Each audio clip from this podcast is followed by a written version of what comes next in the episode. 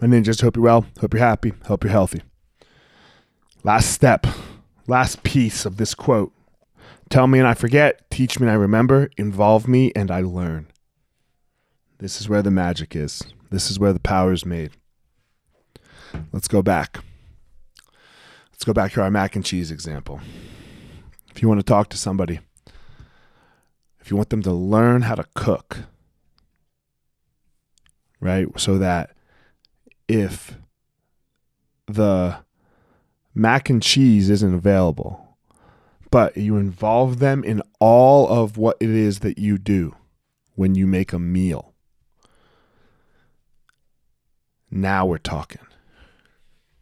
So they know how to prepare a protein because you involve them in it. They know what that takes. They know how to combine spices and, and what what that process does. So now it doesn't even matter what protein they're gonna that, that is available to them. They know how to the idea of a vegetable and what has to happen to a vegetable for it to be cooked at a certain cooked a certain way and taste good. How to combine things. You involve them in the process of how you do it. You don't just say, hey, look, you do this, pour this, dump that. No, okay, buddy, come on, let's cut these onions. Right? This is how onions have to be cut so that they cook evenly yada yada. You're going to do it. Come on, ready? And we cut the onions together. We involve them.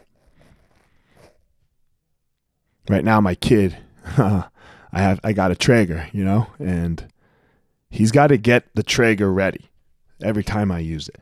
So he's got to pull it out uh, and, get it all set up.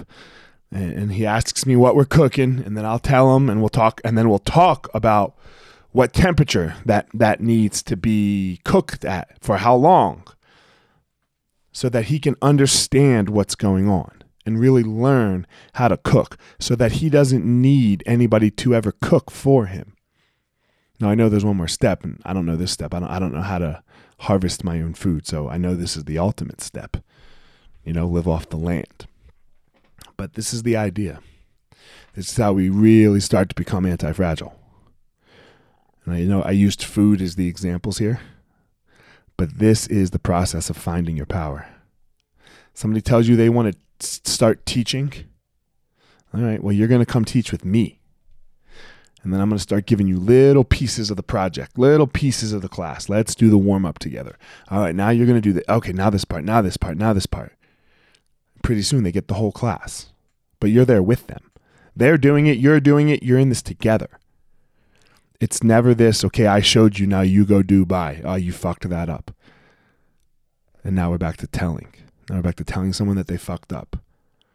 Whereas when you're standing right there with them, you're involving them in it in what it is that you do. When you give them the power to question, when you give them the power to understand, when you give them the power to see exactly how it is that you do it. That's how they're really going to find their power.